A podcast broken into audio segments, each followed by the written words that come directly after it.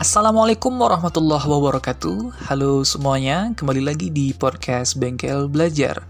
Di siniar kali ini, aku akan berbagi rahasia dengan teman-teman sekalian tentang apa saja sih macam-macam kesalahan mahasiswa dalam penulisan skripsi.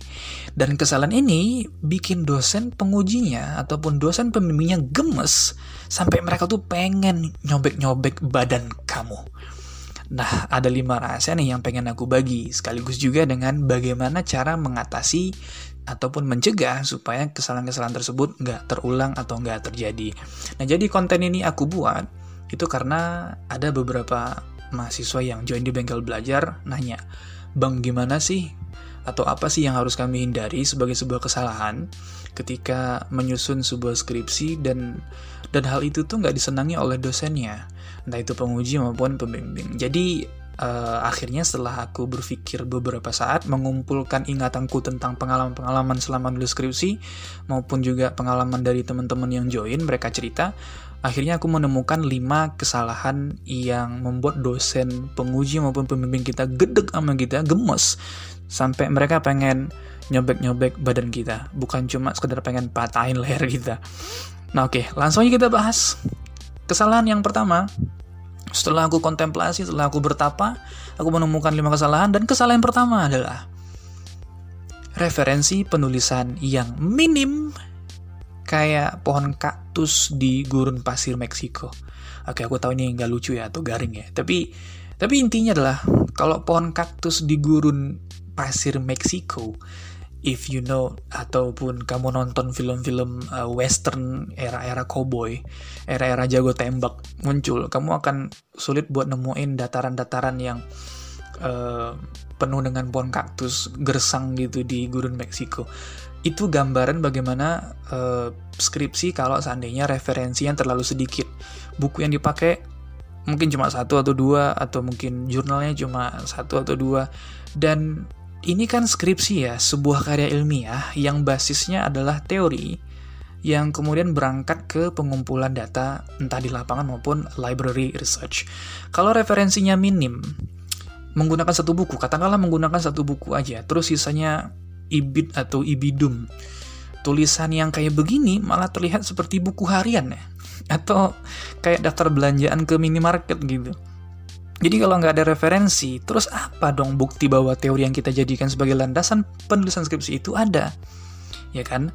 Nah kalau sedikit, terus seberapa kuat dia teori tadi uh, kita angkat, kita pakai sebagai landasan kita untuk melakukan sebuah penelitian.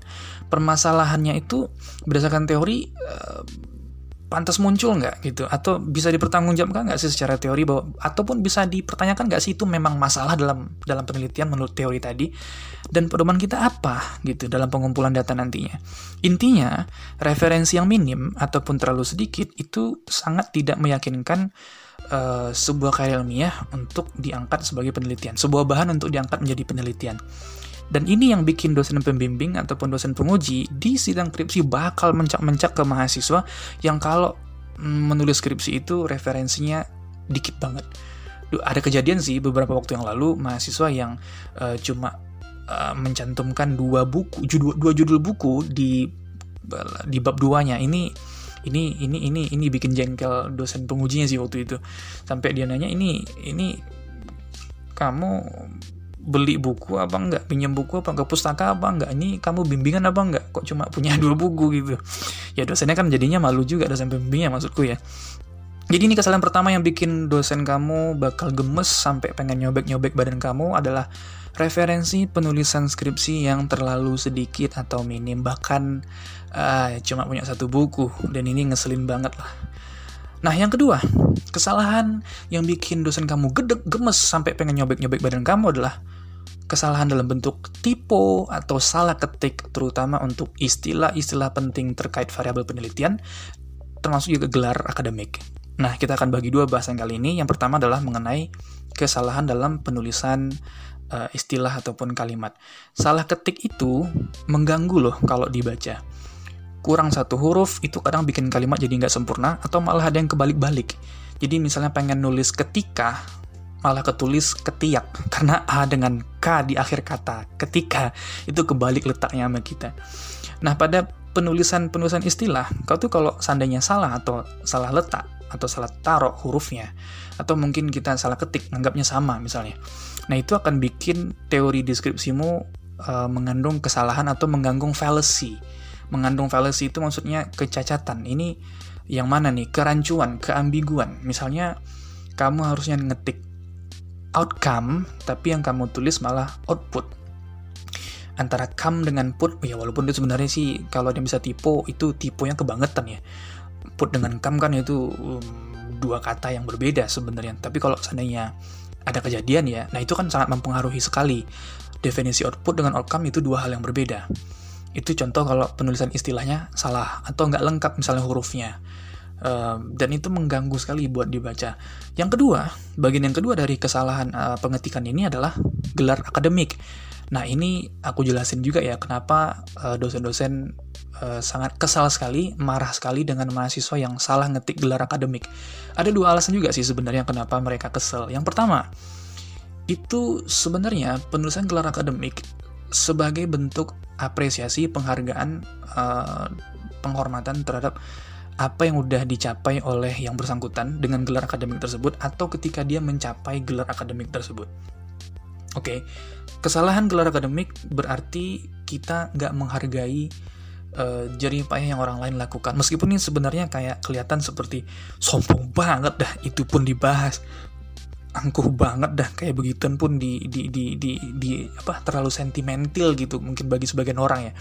Tapi ketika kamu nulis skripsi, sidang skripsi, terus kamu lulus dapat gelar SPD, dapat gelar SP, dapat gelar SE, terus orang salah ketik gelar kamu kayak gimana rasanya? Udah capek-capek skripsi, udah capek-capek penelitian, udah habis di dimakan nama dosen penguji dan pembimbingmu. Tahu-tahu orang salah ketik gelar akademikmu gimana rasanya?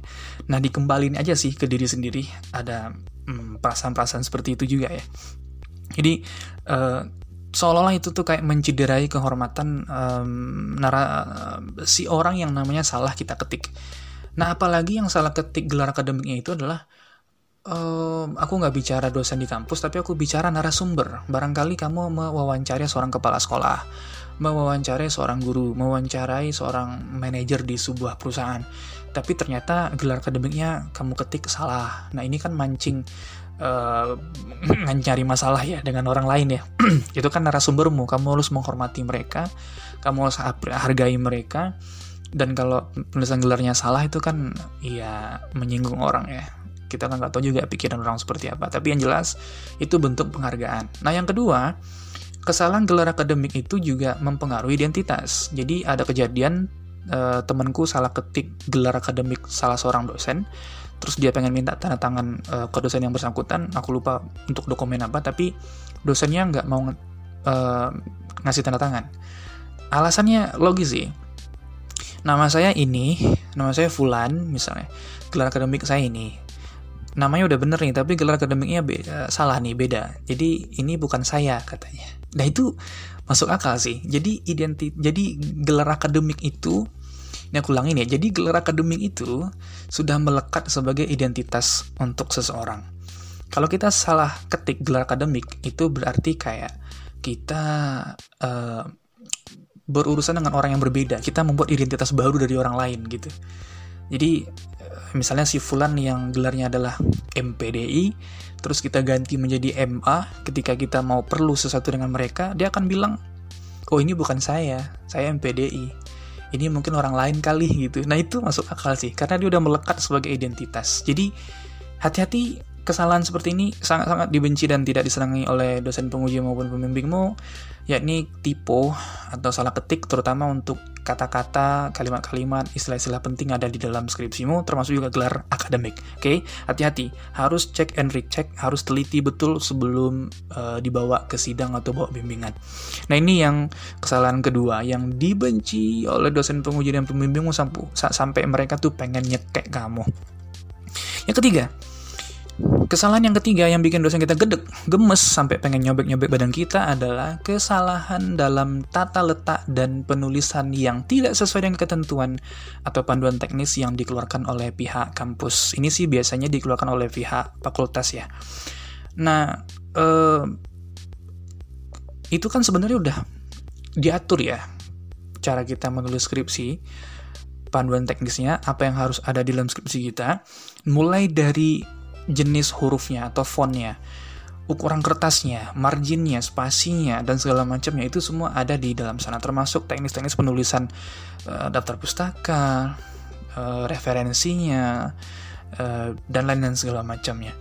Tujuannya sih dibuat teknis panduan uh, ataupun panduan penulisan seperti itu agar skripsi yang kita buat itu dapat disajikan dengan rapi, nyaman, dan mudah dibaca orang. Jadi kalau udah berantakan fontnya nggak sesuai dengan yang ditentukan atau di halaman ini beda fontnya di halaman ini beda lagi gitu kan, nah, itu bikin bikin bikin kesel gitu, bikin nggak enak dibaca. Uh, selain itu, kalau kita perhatikan dengan benar, panduan teknis itu mempertimbangkan juga aspek-aspek metodologis dan ilmiah dari satu karya tulis yang ingin dihasilkan melalui sebuah penelitian. Jadi um, itu juga untuk memudahkan dosen-dosen kita dalam uh, memeriksa skripsi yang kita buat. Ya, jadi misalnya di panduan teknis kamu harus mencantumkan abstrak. Ya udah cantumin aja dan di halaman berapa abstrak itu harus ada. Kenapa panduannya dibuat seperti itu? Barangkali ketika dosennya pengen ngelihat hasil penelitianmu, dia nggak mesti bolak-balik ke sampai ke halaman belakang, tapi cukup ngelihat di halaman uh, yang ada abstraknya aja, karena abstrak kan mengandung juga uh, hasil penelitian dari skripsi itu. Atau juga kalau mereka pengen buka uh, di mana sih kalau saya mau cari metodologi penelitian ya di bab 3. Bab 3 itu bagian mana, halaman berapa. Jadi kalau kalau udah sesuai panduan mereka secara terautotima automatisasi, terautomatisasi ya. Uh, udah otomatis mereka akan melakukan itu gitu. Tapi kalau kamu nggak nulis sesuai panduan, ya ini kok beda, ini kok nggak sama, ya bikin mereka pusing kan, bikin mereka jengkel. Jadi uh, itu bakal mancing emosi mereka dan bisa jadi mereka ngelakuin hal-hal yang kita inginkan karena mereka emosi dengan kita kan. Jadi uh, ya padahal ya walaupun kita nggak bikin salah pun mereka juga udah pengen mau makan kita. Apalagi kalau bikin salah kayak begini. Jadi hati-hati dengan uh, teknis penulisan ikuti panduan yang ada rapikan sesuai dengan itu. Jangan sembarangan itu jangan jangan ikutin selera kita. Oke okay? ini yang ketiga. Yang keempat kesalahan yang tidak disenangi oleh dosen sampai mereka pengen nyobek-nyobek badan kamu adalah ketika mahasiswa tidak konsisten menggunakan istilah terkait dengan teori di dalam penelitian. Nah, misalnya nih, di judul subjeknya adalah siswa, tapi sewaktu di latar belakang malah ditulis peserta didik. Dan di bab 2 pada kajian teoritis, kamu menggunakan kata murid. Walaupun siswa, peserta didik, dan murid itu punya makna yang sama, tapi ketidakkonsistenan penggunaan istilah itu ganggu banget loh sebenarnya. Jadi uh, kalau kamu punya subjek yang berbeda di judul lain, latar belakang lain, di bab 2 ataupun kajian teoritis juga lain, itu sebenarnya referensi kamu pakai yang mana sih gitu. Teorinya beda sama nih gitu. Satu nggak sih gitu. Jadi penggunaan uh, subjek ataupun penggunaan istilah yang nggak yang yang tidak konsisten selain mengganggu itu juga membuat dosen akan mempertanyakan referensi yang kamu pakai, teori yang kamu pakai yang mana gitu. Dan dan dan dan, dan ini selain mengganggu, itu juga bisa uh, apa ya, memancing dosen untuk mempermainkan kamu juga nih. Ya kan, mempermainkan kamu juga. Mempermainkannya yang kayak gimana? Mereka mungkin akan akan bolak-balik aja. Di sini judul kok siswa. Uh, di latar belakang peserta didik di kajian teoritis ditulis murid. Definisi murid sama peserta didik sama apa beda? Sama. Dari mana teorinya? Kok bisa sama? Uh, di bab 2 ada apa? Oh, di bab 2 kan murid. Di bab 2 murid, kenapa kamu tulis uh, di subjeknya, di judulnya itu subjeknya siswa? Jadi yang ada teorinya yang mana nih? Yang murid, peserta didik, atau siswa? Nah, dibolak-balik kayak gitu aja tuh. Dimainin di situ kamu. Jadi bahayanya ketidakkonsistenan itu adalah memancing mereka untuk mempermainkan kita juga. Selain mengganggu ya. Nah ini kesalahan keempat yang pengen dosen sampai pengen nyobek-nyobek badan kamu. Yang kelima terakhir.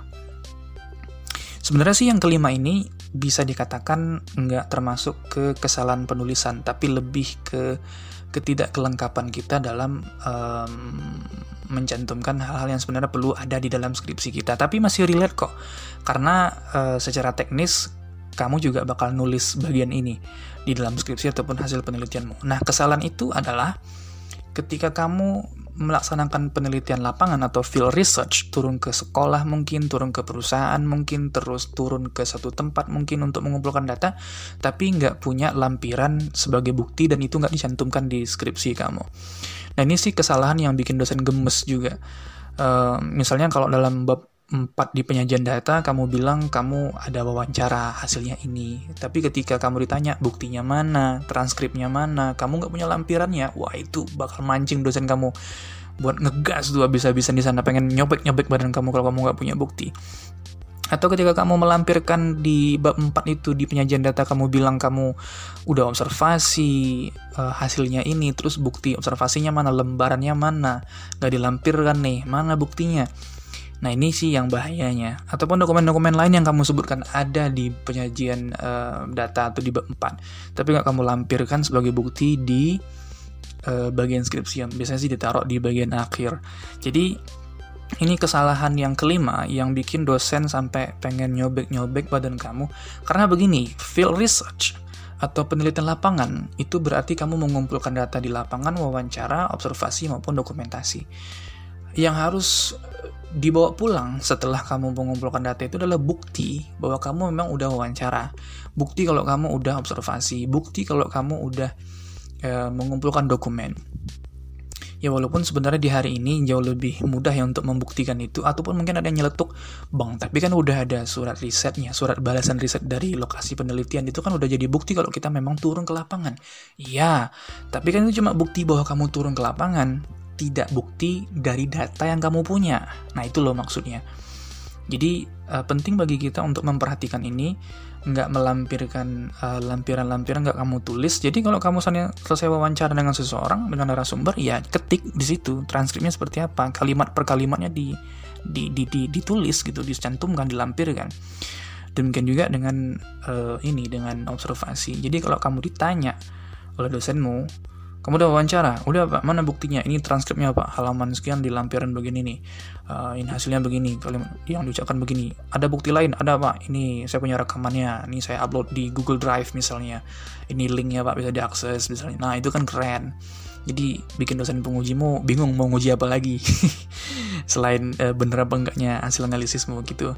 Jadi inilah dia lima kesalahan umum. Uh, aku bilang kesalahan umum karena memang lazimnya sering terjadi di mahasiswa uh, yang bikin dosen penguji kita dan dosen pembimbing kita tuh sampai gemes pengen nyobek-nyobek badan kita semua yang ngelakuin kesalahan ini. Demikian uh, sebagai solusi dariku untuk mengatasi masalah ini, singkat aja sih semua untuk solusi kesalahan ini. Kalau kesalahan pertama, kalau kamu punya referensi yang minim, ya tinggal dilengkapi. Kamu bisa pinjam bukunya, kamu bisa pinjam buku itu ke temen, ke perpustakaan, atau beli, atau cari buku elektronik. Ya banyak cara lah. Kalau tipe ya ditelitiin sebelum uh, sebelum bimbingan atau sebelum diserahkan ke mendaftar ujian. Uh, soal tata letak ya dicek lah, minta panduan sama pengujimu atau minta, uh, sorry ke pembimbingmu, minta uh, panduan penulisan ke kaprodimu mungkin. Dan kalau saya tidak konsisten itu ya dicek teorinya dia pakai apa Nah, itu yang dicantumkan di judul uh, di semua aspek mengenai satu istilah supaya konsisten dan terakhir lampirkan aja semua hal-hal yang memang perlu dilampirkan. Kalau memang perlu diketik, diketik jangan nggak diketik. Sebagai bukti bahwa kamu memang turun ke lapangan, bukan cuma surat riset, tapi bukti kamu ngelakuin pengumpulan data. Sekian dariku, terima kasih buat teman-teman yang udah menyimak uh, senior kali ini. Semoga bermanfaat dan semoga sukses kalau bagi yang mau ujian. Sampai jumpa. Assalamualaikum warahmatullahi wabarakatuh.